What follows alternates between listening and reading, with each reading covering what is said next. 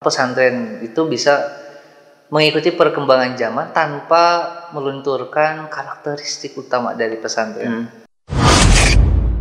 Yang namanya santri ketika udah berapa bulan si kasur teh dipakai sama senior. aja lah bebas gitu. Minimal pernah merasakan bagaimana pesantren Ya, itu. benar. Jangan hanya eh, berasumsi, wah pesantren seperti ini, Hmm. pesantren seperti itu.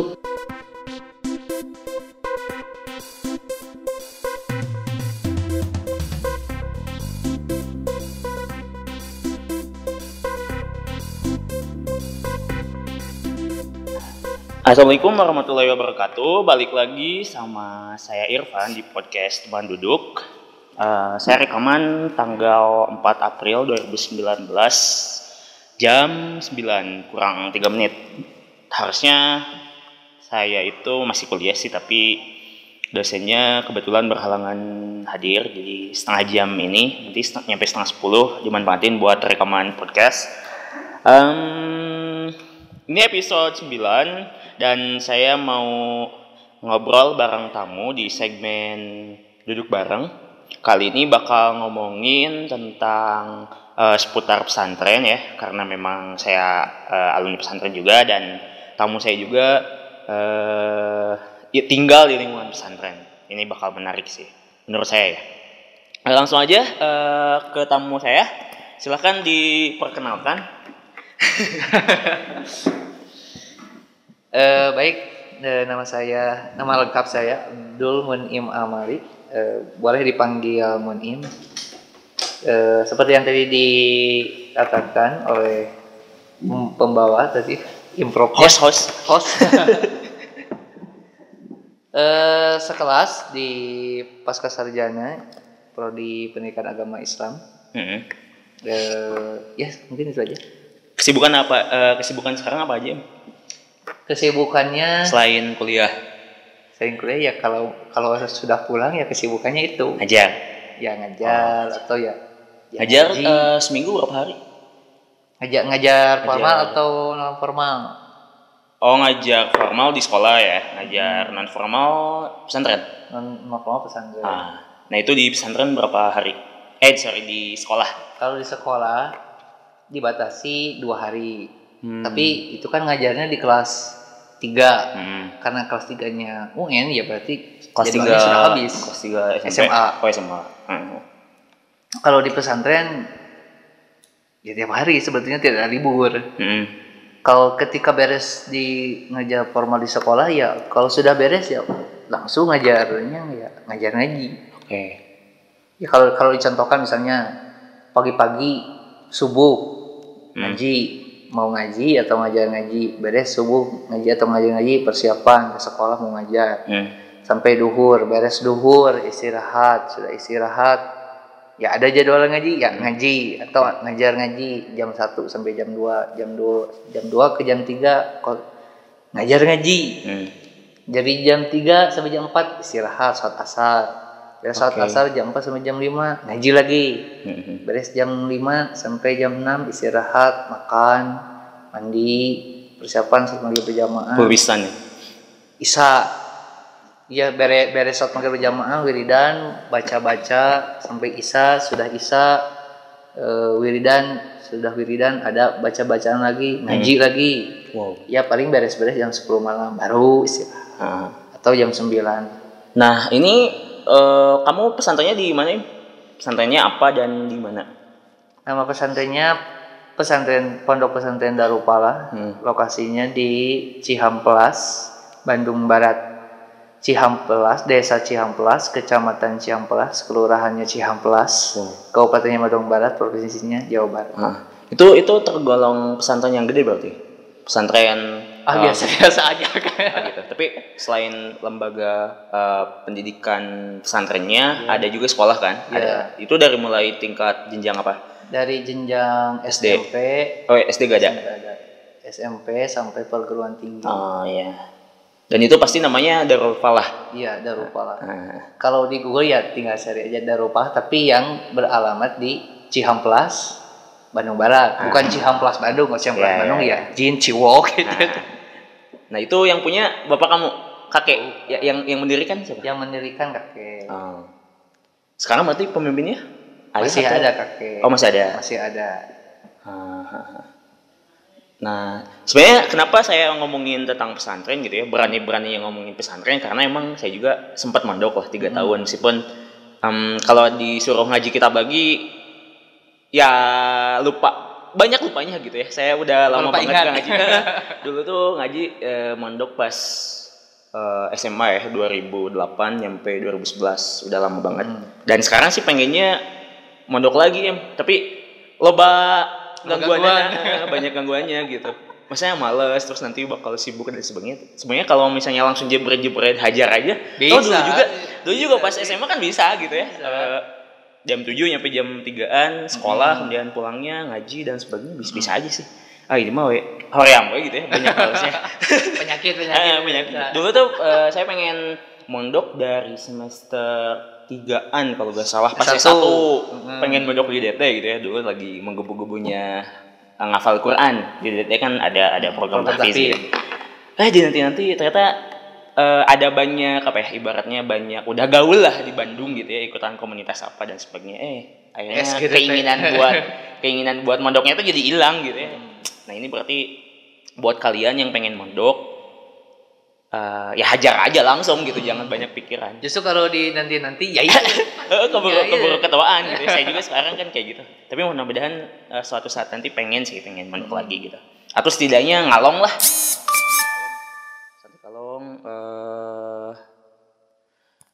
apa ya? Ya sebenarnya saya pengen mondok lagi tuh gini jadi si bapak tuh pernah pernah bilang gitu ya suatu ketika pengen buatin saya pondok. Di Pas rumah di rumah. pulang. Eh, ada ada lah ya eh, tanah. tanah gitu ya lumayan ini nanti bapak buatin katanya. Nah itu tuh ternyata kamu yang ngurus. Apa ya? Eh, gak tahu iseng gitu ya si perkataan itu tuh gak tahu bener-bener memang Serius? Heeh, apa sih mempercayakan itu saya buat nanti bikin pondok. Nah tapi bagi saya itu tuh beneran harapan banget gitu harapan yang disimpan di pundak saya buat eh, suatu saat nanti memang bikin pondok itu. Dan mau gak mau kalau mau apa ya mimpin pondok mah harus harus mondok gitu sayanya gitu. Dulu mah kan itu mah ibaratnya latihan mondok lah ya nah itu sih. Em, ini im tentang pesantren nih. Saya tertarik. Sebenarnya pas S1 dan S2 juga sekarang pengennya riset tentang pesantren tapi entah gitu ya. Mudah-mudahan emang beneran tentang pesantren. Nah yang menarik dari pesantren adalah menurut saya pesantren kan eh, lembaga pendidikan tertua ya di Indonesia. Nah itu kira-kira menurut kamu im yang bikin pesantren eksis sampai sekarang tuh apa sih gitu eh yang bikin eksis yang menurut saya pribadi karena ada sifat fleksibel dalam pesantren. Hmm. Fleksibel yang dimaksud karena pesantren itu bisa mengikuti perkembangan zaman tanpa melunturkan karakteristik utama dari pesantren. Hmm. Contohnya banyak kan pesantren-pesantren yang justru dari zaman dulu masih ada sampai sekarang dengan mempertahankan tradisi yang ada, Hmm. tapi dengan menambahkan sesuatu yang tidak ada yang akan menambah eh, keistimewaan pesantren. Mhm. Baik di Jawa Tengah, Timur maupun di Jawa Barat pun sama. Hmm. Seperti di Darupala sendiri dulunya salaf sebetulnya Hmm. tanpa ada lembaga formal. Justru lembaga formal itu se kalau zaman dulu lembaga formal yang dibawa ke pesantren itu justru akan menambah Distru- akan ya ada mendistruksi pesantren, ya merusak pesantren. Karena dilihat dari perkembangan zaman ternyata kalau pesantren hanya salaf, ya itu pun tidak menafikan pesantren salaf sebetulnya. Meskipun zaman sekarang ada pesantren yang masih bertahan. Justru dengan menambahkan formalitas di pesantren akan menambah rasa motivasi para santri. Hmm. Para santri bukan hanya belajar tentang keagamaan yang bersifat ukhrawi tapi mempunyai bekal ketika di dunianya. Hmm. Bekalnya itu ya baik berupa ijazah atau pembelajaran-pembelajaran formal. Itu sebetulnya makanya ada eh, visi atau misi yang disebutkan eh, muhafadzatu ala qadimis soleh Ah. wal itu yang baik ya harus dipertahankan baik. Setuju. pengajian kitab kuning meskipun wah jadul gak perlu pakai yang gitu-gitu langsung aja langsung kontekstual Hmm. langsung esensinya Hmm. justru itu karena itu bagus sebetulnya Hmm, menurut pandangan kami yang mempertahankan tradisi itu Hmm. sekolah bagus juga ya tinggal dimasukkan Hmm. jangan sekolah dimasukkan yang itu ditinggalkan Iya. ya itu sudah bagus kenapa ditinggalkan Hmm. jadi yang bagus dipertahankan yang lebih bagus dimasukkan nah itu ada kolaborasi dan elaborasi antara pesantren dan dunia formal sekarang ini Hmm. ataupun ya zaman-zaman modern sekarang pesantren bisa mengaji malahan dengan ya sang kiainya pun atau sang ustadznya pun mengaji ma- malah tanpa kita Hmm. Hmm. pakai tablet saja buka kitanya ya di tablet Nah, jadi benar. tidak melulu kitab kuning bisa pakai tablet kitab kitab digital ya ya. digital tapi ya kalau santrinya memang harus menggunakan kitab asli karena ada yaitu tradisi seperti memberi makna yang mana mubtada yang Hmm. mana khobar pakai rumus-rumus dalam memberi makna itu kan harus ditulis Hmm. kalau di digital kan susah Nah, nulisnya ya. benar, benar. Nah, ini sebenarnya Darul Fala ini uh, awal berdirinya tuh kapan gitu ya? Uh, tahun-tahun berapa? Berdirinya tahun 1970, Ah, berarti sekitar udah berapa ya? Hampir li- hampir lima- setengah abad. ah, hampir 50 tahun. Benar-benar. Nah, uh, kemudian kan sebelumnya tadi disebutin ya, uh, pesantrennya tuh salaf, Mm-mm. tipikal salaf salafiyah gitu ya, Iya. salafiyah. Nah, kemudian uh, siapa yang akhirnya uh, menjadi inisiator uh, apa ya ibaratnya? lembaga pendidikan formal masuk ke pesantren tersebut. Sebetulnya dari sesepuh sendiri, dari Ah. sang pendiri sendiri Nah, pendirinya memang berarti berarti dulu emang emang pendidikannya tinggi di formal. justru ti- tidak berpendidikan tinggi tapi mampu Ah. menerawang eh, perkembangan zaman bahwa pesantren harus mengikuti Nah, perkembangan zaman. Nah, itu justru keunikannya. nah, di mana sang kiai yang tidak pernah menata pendidikan formal, tapi pola pikirnya justru lebih melebihi orang yang berpendidikan formal. nah itu berarti berarti kalau asumsi saya eh, kiainya berarti sesepuh eh ses- kakek kamu ya. Itu berarti bergaul sama Bergaul. sama cendekiawan-cendekiawan, Nah, nah kemudian itu. sarjana dan sebagainya kayak gitu. Ya, ya Nah, itu biasanya di forum-forum apa? Nah itu eh, seorang kiai bisa terbuka wawasannya seperti itu memang eh, menurut kakek saya, menurut ayah saya pun memang perkataannya sama. Pesantren atau pendiri pesantren ataupun pengelola dan pengasuh pesantren harus berorganisasi. Hmm. Tanpa organisasi maka pesantren bahasa Sunda mah akan kurung batokeun lah Hmm. tidak akan mempunyai wawasan yang bagaimana sebetulnya perkembangan di luar. Hmm. Kalau berorganisasi kan tahu. Iya. Kalau di Jawa Barat saja tanpa melihat Jawa Timur, tanpa melihat di Sumatera, tanpa melihat di Kalimantan dan Sulawesi, kita tidak akan tahu perkembangan pesantren itu seperti Hmm. apa. Hmm. Makanya kita menyesuaikan.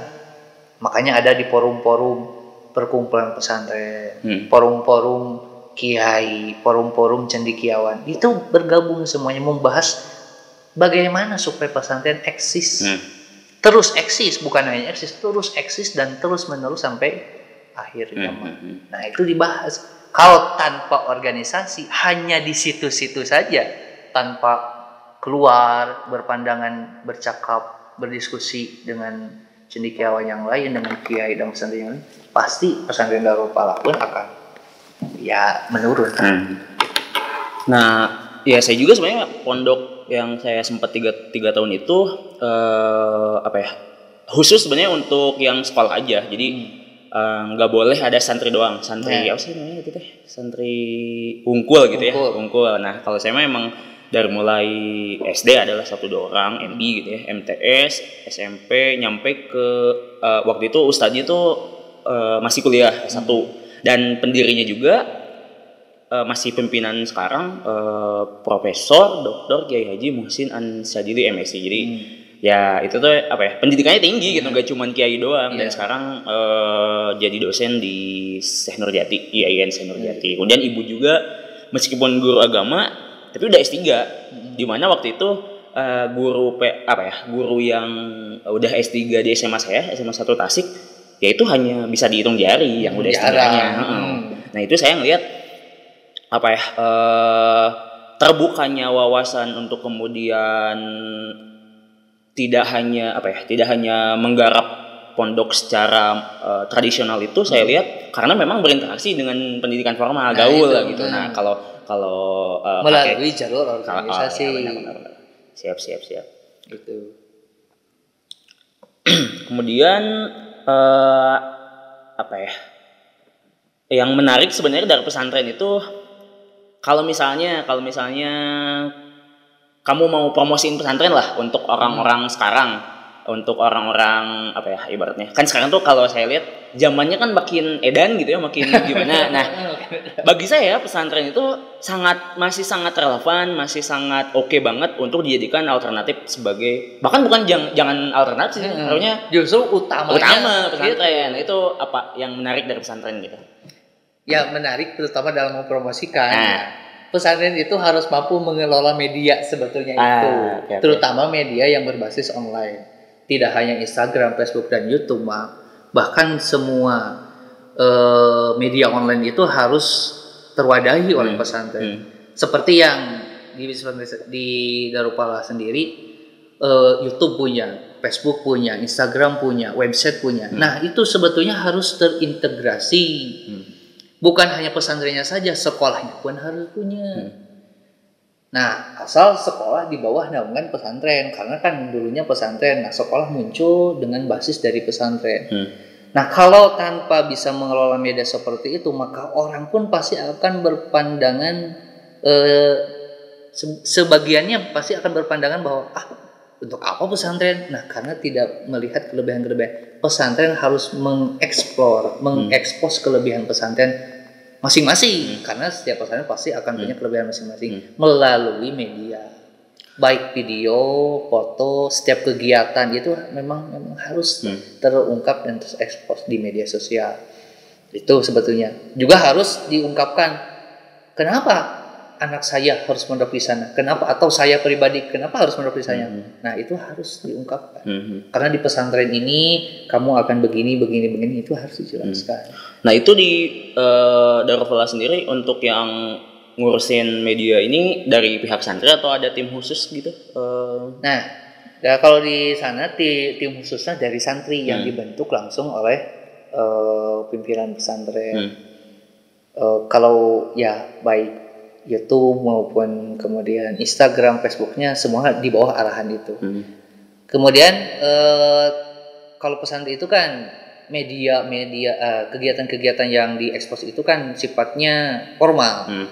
kegiatannya ini aja ini ya kalau eh, ada sentringan seperti canda tawa dan lain-lain itu makanya di sana ada dua akun Hmm. akun yang memang Serius? serius Resmi. akun yang memang ya itu bercanda yang isinya santri yang sedang menguap atau yang Ah, sedang iya. bercanda itu di dipoto atau di video kemudian diupload nah itu ada dua akun yang berbeda Hmm. jadi yang satu untuk misalnya pengajian kan resmi itu Hmm. kan tidak boleh pengajian sambil ya itu pengajian kemudian eh, kiainya misalnya kalau kiai kan dengan santri tidak mungkin bercanda dengan kiai Hmm. kecuali kalau kiainya yang mulai Hmm. Nah akun yang satu resmi akun yang satu yang dengan ya santai lah seperti itu nah itu perlu perlu sebetulnya ataupun mau satu akun tapi bisa dua-duanya ya itu juga boleh Hmm. Hmm. itu bukan hanya itu makanya nah itu juga eh, kami pun sebetulnya ya berintegrasi dengan komunitas-komunitas pegiat digitalisasi pesantren Hmm, atau ala santri. ya seperti ala santri itu kemudian galeri santri sebetulnya saya pribadi pun termasuk ke dalam keanggotaan makanya eh, yang membentuk akun media di pesantren Darul Falah memang pertama inisiatornya saya kemudian mengumpulkan para santri senior Hmm. ayo kita buat Hmm. Ke- sesudah buat mau namanya seperti apa siapa pemegang akunnya Hmm. mau konten kreatornya seperti apa kita rundingkan ketika akan membuat konten kreator yang sifatnya resmi otomatis kan harus di bawah naungan itu Hmm. maka eh, saya pribadi sebagai tim redaksi lah Hmm. ketika ada kesalahan ini kurang cocok coba eh, bahasanya kurang cocok eh, narasinya kurang cocok fotonya misalnya kiai kita kurang cocok dengan proses seperti ini nah itu pun bisa ada kalau tapi kalau yang slow-slow itu ya mau upload apa pun ya boleh lah itu kan slow ya. Hmm. kalau resmi itu perlu dipantau Kalau ala santri itu buatan siapa? Kalau santri itu Kang Aro namanya, itu di Jogja. Oh. Kami pun karena termasuk ke dalam eh, jadi ala santri, ada santri, kemudian yang di Darupala, Eksplor Darupala, kemudian yang lain sebetulnya tergabung dalam sebuah komunitas yang bernama AIS Nusantara, Arus Arus, Informasi Santri. Santri Nusantara. Ah. Nah, itu terorganisasi di sana. Kalau itu siapa yang bikin? Masih Yang bikin itu inisiatornya Mas Yusuf dari Jogja, Hmm. itu pemegang akunnya yang Komplek L, kalau yang mungkin pernah tahu. Para pendengar. Kemudian yang kedua eh, inisiatornya Kang Romzi maksud? Kalau Kang Romzi itu belakangan. Ah. Jadi yang pertama Kang Yusuf, kemudian Kang Komar. Kalau Yusuf itu Komplek L, Kang Komar itu Galeri Santri yang di Jakarta. Hmm. Sebetulnya orangnya orang Lampung, tapi mas santrinya di Jakarta buatlah akun. Hmm. Nah, keduanya bergabung. Bagaimana kalau kita satukan saja? Hmm. Asalnya AIS itu bukan harus informasi santri sebetulnya. Admin Instagram santri karena ber- berbasis Instagram permulaannya Hmm. akun-akunnya. Kemudian berubahlah nama menjadi AIS informasi santri. Makanya eh, sebetulnya kemarin itu hari hari lahirnya, hari lahir AIS Nusantara. Kapan? Kemarin ketika Rajab, Oh. ketika hari libur tanggal merah Oh iya. iya. itu sebetulnya. Nah itu kami bergabung dengan komunitas komunitas itu ya tujuannya supaya itu Hmm. pesantren itu terangkat, Hmm. diwadahi dalam sebuah komunitas, Hmm. sehingga ketika yang lain bertanya, oh pesantren yang ada di Jawa Barat apa aja, tinggal tanya saja ke AIS. Ah. AIS pun punya regional-regional, makanya eh, ditargetkan beberapa bulan ke depan ada namanya Kopdarnas. Hmm. Kopdarnas itu ya memang kopi darat tapi nasional. Hmm. Ada dari Banten, dari Jawa Barat, Jawa Tengah, Jawa Timur, Lampung, Aceh, kemudian banyak yang lain. Itu hampir menyeluruh seluruh Indonesia. Hmm. Yang belum mungkin Papua belum ada, Hmm. karena belum ada pesantren atau eh, mungkin pegiat media yang khusus mengembangkan tentang media dakwah Islam yang mengangkat pesantren. Hmm. Nah ini sebenarnya eh, apa ya? Pemunculan AIS ini kemudian tadi galeri galeri Hmm. santri ya, dan lain Iya, sebagainya. Nah itu selain untuk mengekspos pesantren juga ada ada ada ada motif khusus nggak sih? Ada, Ada, tujuan khusus sebetulnya. untuk untuk ini radikalisasi atau Nah, itu salah satunya? itu salah satunya. De- Nah. Untuk radikalisasi itu diredam, Hmm. yang kemudian dibasuh dengan konten-konten yang sifatnya damai, Hmm. sejuk, yang mengutamakan toleransi. Ketika yang lain menggembor-gemborkan, kita ini harus Islam, Islamnya harus kapah, Nah. maka kita beranggapan bahwa ayo kita merangkul yang lain. Hmm. Kita sama-sama membangun ke kesatuan yang utuh. Nah itu Nah, dengan sejuk Benar-benar. gitu. Ya kontra narasi lah ya. Kontra di, narasi. di narasinya, di fotonya, narasinya semuanya berbasis Hmm. menyejukkan. Hmm. Itu sebetulnya. Dan saya kira emang penting sih. Maksudnya pesantren dulu saya mondok ya jarang Ya, bahas jarang. bahas bab jihad dan Oh, sebagainya jarang. dan Hmm. sebagainya. Lebih ke apa ya? Lebih ke hal-hal yang pribadi dulu Pribadi bertahap dulu. gitu misalnya tentang uh, akidah, tauhid dan Kemudian sebagainya. ibadah yang sifatnya pribadi juga. Ah, Nah kalau kalau sekarang uh, kecenderungannya itu baik di komunitas atau misalnya di kampus itu tuh yang saya lihat kurikulumnya itu ngaclok tiba-tiba langsung ya mungkin ada tauhid Ya. kemudian tiba-tiba jihad apa apa keras gitu ya ya, ininya tuh kalau misalnya di pesantren kan pendekatannya adalah kita itu sebenarnya uh, masuk aja gitu Masuk nggak aja nggak dulu. langsung nggak nggak ada istilah istilah Islam Ya. yang menyeramkan biasa aja tapi intinya uh, setiap aktivitas yang ada itu kita basuh dengan nilai-nilai keislaman Nah, kayak gitu ya itu itu pendekatan kiai-kiai maksudnya ulama-ulama dulu yang apa ya yang berjuang untuk Indonesia tuh nggak langsung Nggak langsung. syariat apa-apa tapi kalem aja yang penting mah eh, apa ya yang penting mah tujuan atau Tersampaikan Hmm, lah. esensi lah ya Esensi. esensinya tuh Lebih nggak- ke esensi, Hmm. bukan dengan langsung pendekatan keras. benar-benar dan saya juga maksudnya saya eh, ya lingkungan pesantren gitu ya ling- lingkungan eh, Nahdlatul Ulama dan sebagainya nah ketika ke Bandung itu oh ternyata banyak banget komunitas-komunitas Islam yang bikin saya tuh ya agak-agak serem Nah, gitu itu. Bukan. maksudnya di sisi lain emang saya eh, ini apa ya eh, iri mungkin kadang-kadang karena ngelihat sebagian dari komunitas yang tadi dijelaskan tuh gairah keislamannya gede Hmm. banget gitu kadang-kadang Nah, kita agak-agak payah gitu ya Wah, Nah, kita tapi- belum buat apa-apa nih. Jadi udah gini-gini gini. Eh, Nah, itu. tapi sebenarnya mereka juga kadang-kadang gitu ya secara metodologi keilmuan keislamannya mah eh, ya mungkin Ya, tentang ulumul Quran dan mumpuni. kurang mumpuni benar-benar tapi semangat untuk tapi matinya tuh kayak udah kita bidadari enggak Padahal kan itu eh, kalau kata hadis Rasul kan jihad kecil gitu, Iya, jihad yang iya, gede iya, itu ya yang besar jihad memerangi hawa nafsu. itu. benar. Eh berarti emang sekarang tuh emang eh, kayak tadi Perlu Ais, lah. mm, kayak Ais kemudian Galeri Sati dan sebagainya itu harus di eh, makin diperbanyak gitu Makin dan diperbanyak. dan kemudian ya harus ada koordinasi juga Nah, sih, itu. jangan jangan ini gitu.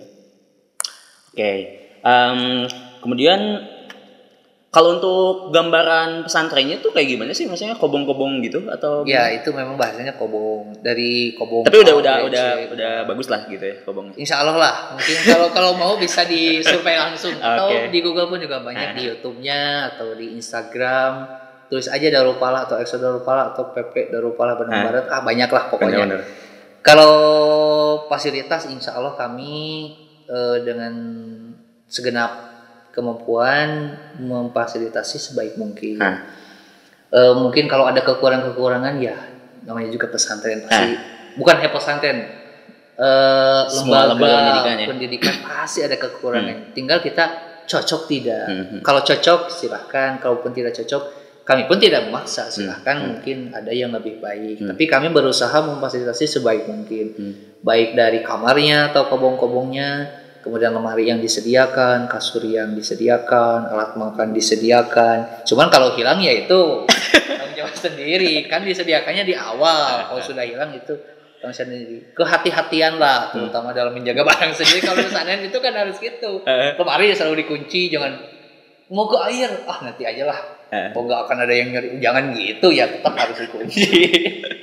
Piring atau alat makan pun juga jangan asal disimpan. Kalau disimpan ya, ah pinjam lah, ah nanti kan diambil dulu. Eh. Meskipun tujuan bukan mencuri hanya meminjam, tapi kan kalau ne- ne- penempatannya lupa di mana jadi susah Eh. nyarinya nah itu. Kalau saya kan dulu kobong tuh ada tiga lah ya, kobong gede gitu yang ya Hmm. mungkin memuat 30 orang, Ya. ada yang 20 orang, ada ada yang 10 orang juga, tapi itu dihususin untuk anak kelas 3 yang asumsinya lagi UN gitu, Ya. butuh ketenangan dan sebagainya. Em, yang apa ya, yang yang yang bisa saya kenang waktu itu gitu ya, ketika eh, ketika pas masuk jadi santri awal tuh ya kita kan bawa eh, kasur dan Hmm. sebagainya dan sebagainya. Nah, tapi ya santri gitu ya. Hmm. Yang namanya santri ketika udah berapa bulan si kasur teh dipakai sama Ya, senior. siapa aja lah bebas gitu. gitu. ya itu itu sebenarnya cerita-cerita menarik gitu ya. Ya pas, itu memang. pas di pondok gitu. Hmm. Eh, ya meskipun itu juga idealnya mah enggak kayak gitu gitu, tapi kayaknya sih Tapi seragam sih memang, gitu sebetulnya. seragam maksudnya Ya. di, di hampir semua pondok Pesantren tuh kayak gitu. gitu. Sharing kasur, sharing. Bah- bahkan baju pun ya sama. oh baju baju saya kok nggak ada. Oh ini dipakai dulu ah Ah, itu dipakai orang temannya. Ya tuh se- ya kalau mungkin untuk yang awam tentang pesan itu Wah, kok pesanan gini ya? Ya itu kalau yang awam. Ah. Kita kan ya sudah pengalaman itu hal biasa. Tapi kalau dalam ya kini kalau, kalau kita kan mahasiswa nih, Eh. kalau dalam berbicara filosofis sebetulnya justru itulah tanda-tanda kedekatan antara satu santri dengan santri lain. Itulah yang namanya teman sejati.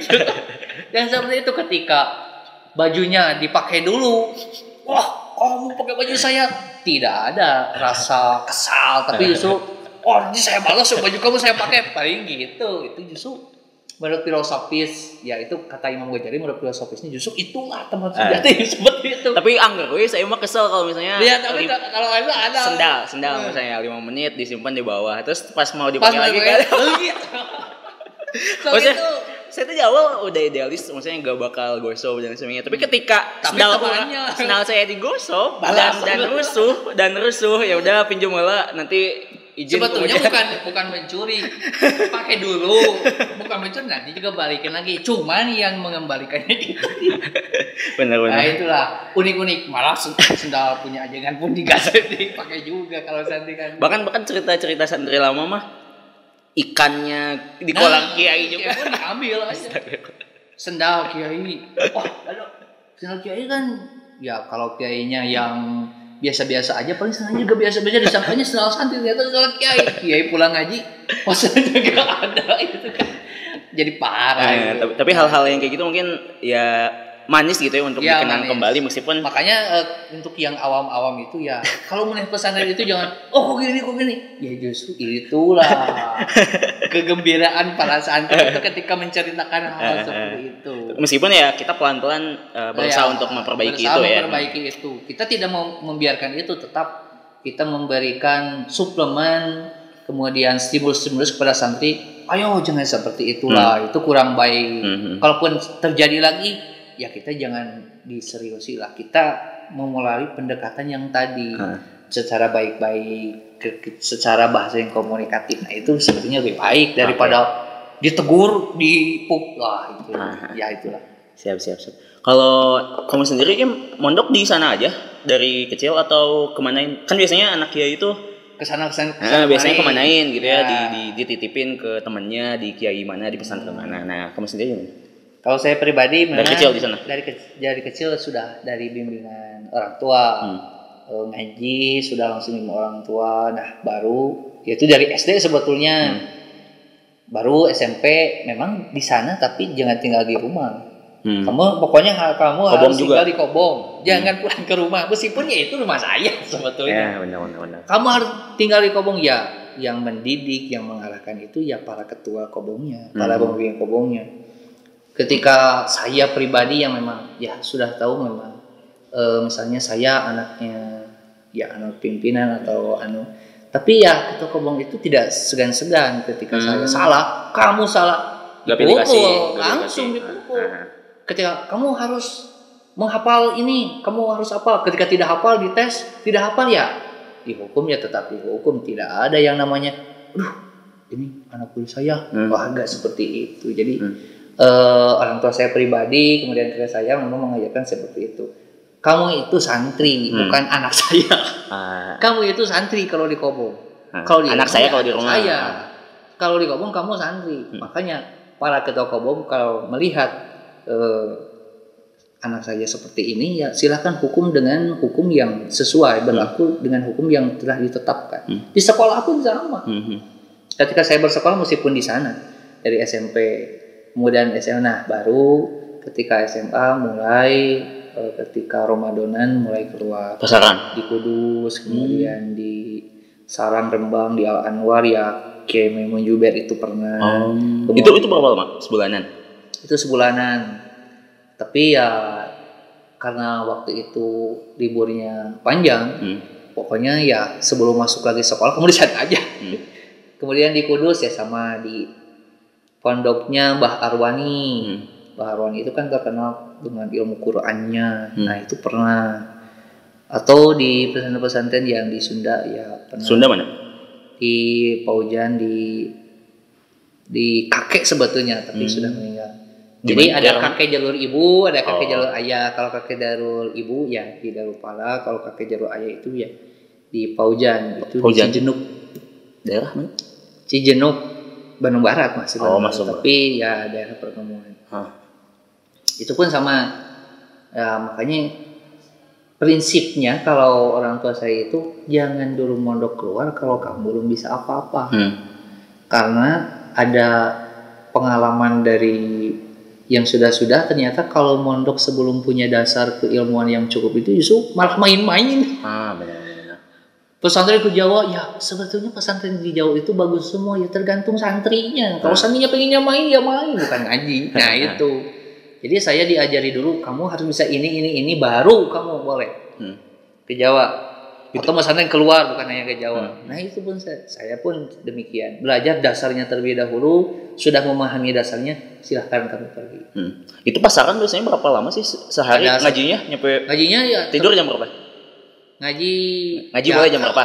Subuh ya, habis subuh. subuh subuh sampai malam ya beres-beres jam kadang 12. jam 12 jam satu ya tidur paling berapa jam ya tiga jam mungkin empat jam nah itu pun semua dilakukan eh, memang atas dasar kami ini harus mempunyai bekal yang cukup ketika pulang Mhm. bukan hanya di sana main-main bebas dari aturan di pondok sendiri Hmm. atau di rumah misalnya tapi kamu harus membawa hasil bahwa kami ini kami sudah ngaji ini Hmm. kami sudah eh, memahami ini kami harus bisa ini nah Hmm. itu itu pun bisa paham itu kalau punya dasar kalau Hmm. tidak punya Hmm. dasar pulang-pulang ya kitabnya kosong. Mm-mm. Nah itu pemilihan tadi di di Kudus, kemudian di Rembang, kemudian di yang Bandung Barat itu, itu berarti emang kenalan kakek, kenalan Bukan ayah kenalan, atau gimana? Melihat melihat dari keilmuan sang pimpinan pesantren. Hmm. Mbah Maimun itu kan dituakan, makanya kamu kalau ada ulama yang tua jangan sampai jangan dulu mendahulukan yang muda. Coba Hmm. cari dulu ulama yang tua. Kamu harus mengaji kepada yang tua karena yang tua itu barokahnya lebih banyak. Meskipun yang muda punya barokah, tapi yang lebih tua barokahnya. Hmm. Makanya didahulukan yang pertama ke Mbah Maimun itu ke Sarang dekat. Kita kan Bandung. Kalau Bandung itu kan eh, dingin sebetulnya. Di sana Panas pisan. dekat laut. Wah, itu derajatnya pun panas. Hmm. Eh, memang setiap pesantren yang tadi punya keistimewaan karakteristik ketika kami yang dari Bandung ke sana eh, harus membiasakan ngaji dengan suasana panas, ngaji dengan eh, apa? Karena dekat laut, maka si musola itu ada pasir-pasirnya Hmm. ketika sujud itu meskipun pakai se- sejadah di musola itu ada pasirnya itu. Eh, di dahi ya. Ya di dahi itu ada pasir waduh gitu. Sudah berkeringat, panas, ada Hmm. pasir wah itu perih rasanya. Nah, Itu sebetulnya ujian-ujian yang kami lalui itu yang sepertinya yang unik-unik nah. itu. Tapi Siapa tapi pas di Rembang itu sempat diajarin langsung sama Mbah Maimun itu ya? langsung. Oh, langsung. Kemudian Ngajar apa? Anak-anak. Kita. Mbah Maimun tentang hadis Ah, gitu. oke oke. Tapi ya Mbah Maimun memang ulama karismatik yang dituakan memang Hmm. kami sangat menghormati. Mhm. Oke, terus pertanyaan selanjutnya tentang relasi nih antara pesantren dan eh, nasionalisme lah katakanlah tentang kecintaan terhadap NKRI. Nah itu, Muni melihatnya kayak gimana? eh ya me- memang dilihat dari sejarah kalau dari sejarah ya historisnya memang eh, santri beserta kiai ajengan itu ikut memerdekakan negara Indonesia Hmm. melawan penjajah. Nah itu bukan hanya terjadi dalam historis saja, Hmm. justru kejadian-kejadian tersebut ditanamkan sampai hari ini oleh para guru-guru di pesantren. Kiai kan itu pasti umumnya sudah sepuh dan Mhm. pernah mengalami bagaimana rasanya dijajah ketika masih ada zaman Belanda atau eh, zaman Jepang, zaman agresi itu kan masih dalam proses peperangan. Di, di Darupala pun eh, sesepuh pondok pesantren Darupala pun juga mengalami hal itu. Lahir beliau ketika eh, kemerdekaan itu masih dalam proses, masih dalam peperangan, Hmm. ada agresi-agresi. Nah, beliau menanamkan bahwa eh, santri itu jangan hanya di pesantren saja, Hmm. harus bisa memahami lingkungan luar dan menanamkan apa yang menjadi persepsi seorang kiai ketika zaman dulu dipertahankan zaman sekarang. Hmm. Santri harus bisa menjadi agen of change dalam sebuah lembaga kemasyarakatan yang lingkup besarnya dalam sebuah lembaga kenegaraan Hmm. sehingga para alumni-alumni yang lulusan dari Darupala baik yang masuk TNI, Hmm. baik yang masuk kepolisian ataupun yang ikut menjabat di kepemerintahan pun itu ditekankan. Kalian harus bisa menjaga yang pertama alma mater kalian. Hmm.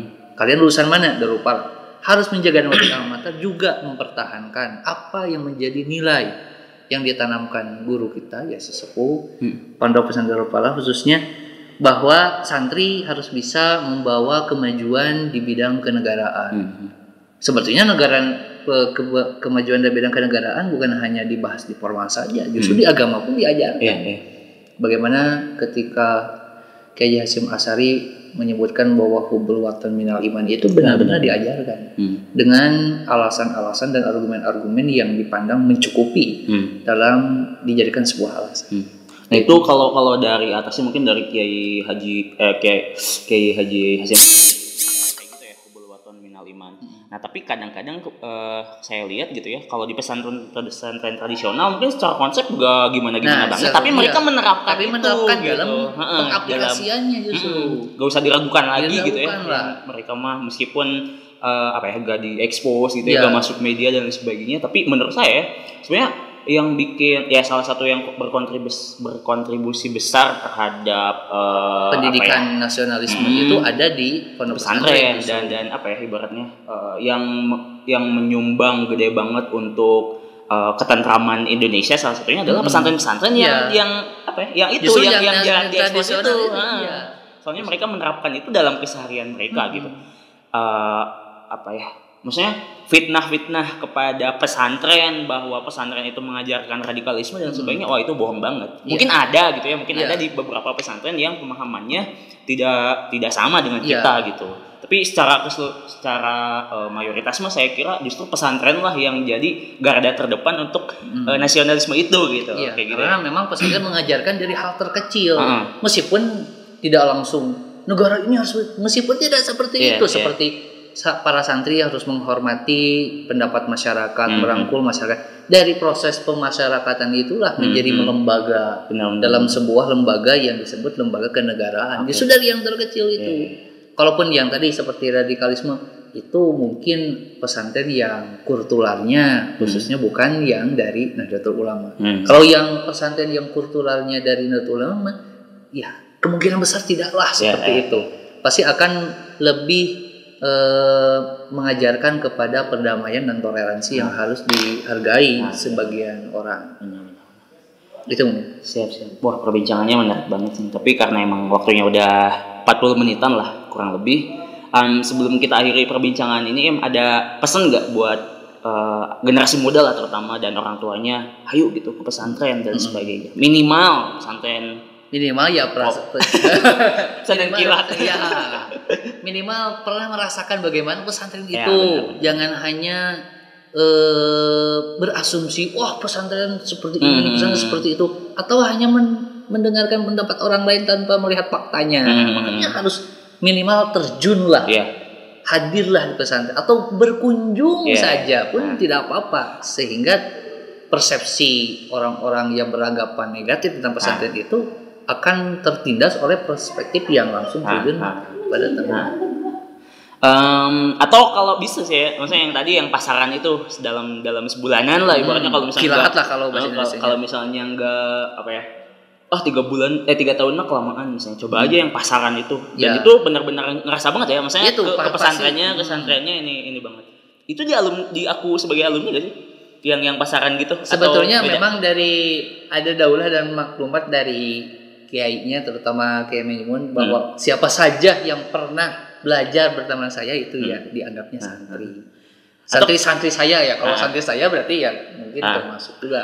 kalau di pesantren saya di Ciberem Tasikmalaya kata bapak tuh kalau siapa pun yang pernah minum di sini di pesantren ini Nah, di itu aku ya, sebagai itu. alumni gitu ya Memang tiap-tiap tiap kiai aja kan beda beda beda prinsipnya. Benar, benar. Mau yang ikut ngaji, mau yang hadir Nah. di pesantren pun ya dianggapnya santri saya. Iya, iya. Maka kalaupun keluar yaitu sebagai alumni. oke Ya termasuk seperti itu. siap. Ataupun yang di Kudus di tempat saya di Ki Arwani ya Hmm. termasuk itu hal seperti itu. Mhm. Nah, em, ini apa sih rekomendasi lah, rekomendasi pondok yang Hmm. kira-kira eh, apa ya, bisa dijadiin referensi mana? Selain Darul Falah ini sendiri. Oh, sendal Yang prestis itu gitu. sebetulnya banyak. Nah, Kalau yang terutama kalau yang yang, ingin memperdalam Al-Qur'an misalnya bisa ke Al-Falah. Hmm. Ada kenal ya, kenalan saya gitu, di insya Al-Falah mungkin eh, Ahmad Maki bisa hmm. bisa dicari lah Hmm. atau bisa langsung lebih lebih bagusnya jangan ya lebih bagusnya langsung terjun saja ke pondok melihat Hmm. langsung dengan mata kepala oh seperti ini ternyata Hmm. pondoknya jangan ya kalaupun melalui internet itu hanya melalui sepintas saja Ah. mengulas saja kalau ingin lebih detail lebih baik langsung mengunjungi pondoknya Hmm. cuman setiap pondok pasti ada aturannya mohon Oh, iya. ya tet- tetap harus mematuhi menyesuaikan dengan aturan-aturan yang berlaku Hmm. itu kalau di Bandung kalau Al-Quran kalau misalnya di eh, daerah Bandung yang lain kalau saya kan Kabupaten Bandung Barat Hmm. itu di ke Bandungnya kemudian kalau ingin di Kabupaten Bandung ada Alkom di Baitul Alkom. Hmm. boleh ke sana Cililin ya itu ya? itu bukan. Oh, bukan. itu yang masuk Oh, Ciparai. Hmm. Boleh ke Baitul Arkom. Nah itu kalau daerah Bandung. Kalau di yang lain ya banyak lah sebetulnya. Di Garut ada gudang. Kalau ingin Quran, kemudian ada Al Musadadiyah Tasik ada Huda, Tasik, Tasik Huda. Huda. Wah banyak lah ada Huda, ada Hurkun, Nah. Bahrul Ulum dan lain-lain. Cihid, uh, Ya. Sukahideng, Hmm. Sukahideng, Singaparna. Sebetulnya ya, ya itulah perlu. Kenapa saya bisa tahu rekomendasi dari Tasik, Garut dan Hmm. lain, apalagi di Jawa dan lain-lain? Itu ya karena ya karena saya pribadi membentuk sebuah komunitas itu. Ah, iya, iya, betul. Membentuk sebuah komunitas bahwa pesantren-pesantren ini harus saling terhubung. Jangan menunggu sampai jadi kiai. Benar, benar. Karena tidak semua bisa sampai jadi kiai. Hmm, hmm, Jadi ketika muda-muda ini ya harus saling berkomunikasi. hmm. Makanya saya membentuk saya pribadi dengan kawan saya dari khususnya di Jawa Barat, saya dari Bandung, kemudian dari Cirebon itu Usromji kami menyebutnya, Ah, iya. membentuk sebuah komunitas yang bernama Jabar Muda. Nah, itu Oh. mencakup seluruh ya berusaha mencakup seluruh eh, pesantren-pesantren yang khususnya di Jawa Barat, terutama Hmm. yang masih muda-muda ini agar saling bersilaturahmi jangan sampai menunggu tua karena tidak semuanya bisa menjadi tua. Hmm. Makanya dari muda inilah saling bersilaturahmi. Hmm, hmm. Oke. Makanya saya tahu di sini ada ini, ada ini, pesantren ini, pesantren ini itu. Hmm. Eh tadi eh, ngomong-ngomong ngajar apa aja? Kitabnya kamu Yang biasa-biasa aja lah, yang kecil-kecil. Sapinah, Dijan, Eh, Lewin lebih. ya ya kalau saya sih memang eh, kebagian jadwal untuk mengajar ya kalau dibilang pengajarnya yang ngajinya ke saya yang ngajar santri-santri yang kecil yang ngaj- ngajinya ke saya Hmm. justru ngajinya ya Sorogan gitu, bukan? bukan ya ngaji balagan yang sorogan itu yang kecil-kecil yang sudah Hmm. gede baru saya Hmm. khususnya para mahasiswa karena di sana kan ada perguruan tinggi nah mahasiswa Oh, yang iya. saya seperti Fatul Muin atau Hmm. Sarah atau Hasiyahnya Toribin kemudian tasawufnya ada Kifayatul Adkiya Hmm. itu yang besarnya kalau yang tipis ada Community Gian kalau kemudian ada tauhidnya Husnul Hamidiyah Hmm. itu mengajarkan tauhid yang lebih eh, bersifat akli supaya kalau sudah akli di- dita- ditanggapi dengan akli benar maka otomatis dengan kolbi pun akan Hmm. lebih benar. Wah itu mah udah jauh eh saya dulu paling tijan. Nah, itu kayak yang gitu-gitu. tingkatnya itu ada di- ya, anak itu. SMP sebenarnya itu, anak SD. Nah, itu dasar. Kemudian apalagi ya banyak dari Fatul Muin, Sarah Asyanya Toribin, kemudian di Fatul Atkia, Usul Hamidiyah, kemudian untuk soroknya sudah beberapa kali tamat, sudah ganti kitab yang sekarang sedang ngaji tarsib. Nah, dong tarsib beserta salahnya. Hmm. Kemudian ada nahu, nadong eh uh, sarah kifayatul ashab Hmm. itu nahu eh dan lain-lain lah masih Hmm. ada yang lain Oke, oke. Wah, ternyata eh, hasanah Kepesantrenan. kitab eh, pesantrenan, kitab kuning itu banyak banget sebenarnya dan eh, buat menyelami itu ya kalian pendengar gitu ya, pendengar saya eh, podcast ini cobalah minimal tadi bisa pasaran atau eh, atau main minimal. Iya, mainnya main berkunjung lah, iya. Hmm. Atau nginep lah sehari dua hari ge. nah itu bisa merenya. ingin baru ingin mengelilingi pesantren Oke. Em, di akhir ini mau promosi gak ya? Promosi eh, Ya, kalau- medsos pribadi atau medsos tadi? Ya, boleh. Eh, sok. Eh, untuk mungkin kalau mau kepoin saya di Instagram boleh di follow Diskusi ya? diskusi boleh lah. Muniem underscore Anwar tapi itu di privat sih. Nah. ya boleh lah di DM mungkin siapa siapa kalau mungkin saya setuju ya setuju. Kalau tidak tidak ya Oke, mohon maaf. Kalau untuk di Facebook sebetulnya saya sudah lama tidak aktif Hmm. tapi nama lengkap saya Abdul Munim Amari Hmm. kalau mau di Facebook. Itu mungkin kalau di Twitter ya itu juga kurang aktif tapi kalau mau ya Abdul Amari tanpa spasi Oke. gitu. Kalau pondok gak usah. kalau pondok banyak sih Nah, salah satunya. Eh, salah satunya Explore Darupalah kalau di Instagram kemudian di Instagram yang satu yang resminya ada PP Darupalah Bandung Barat itu kalau YouTube-nya PP Darupalah Bandung Barat kemudian websitenya darupalahkbb.conpes.id boleh dikepoin ada info-info terbaru atau misalnya ingin memondokkan anaknya atau kalian sendiri ingin mondok boleh, Boleh lah banget. boleh banget bisa dikepoin bahkan sekarang sudah pendaftaran ya Mhm. masih terbuka lah kalau ingin ya silahkan Siap. dari SMP, SMA sampai perguruan tinggi. Siap, siap, siap. siap. Oke. Eh, itu tadi perbincangan saya sama Munim tentang eh, pesantren. Mudah-mudahan ya ini hanya ah seujung kuku banget lah informasi tentang pesantren. Nah, buat buat apa ya ibaratnya kalau mau lebih lanjut tertarik dengan ini bisa eh, tadi eh, DM ke Munim atau bisa juga DM ke saya di Instagram @irfanilmiah i r f a n i l m y a h. Oke, sekian dulu eh, obrolan kita kali ini tentang pesantren. Mudah-mudahan memberikan ya sedikit wawasan lah buat kita semua. Ah, inspirasi. ingin mondok. benar benar benar. Oke, sekian dulu dari saya. Assalamualaikum warahmatullahi wabarakatuh.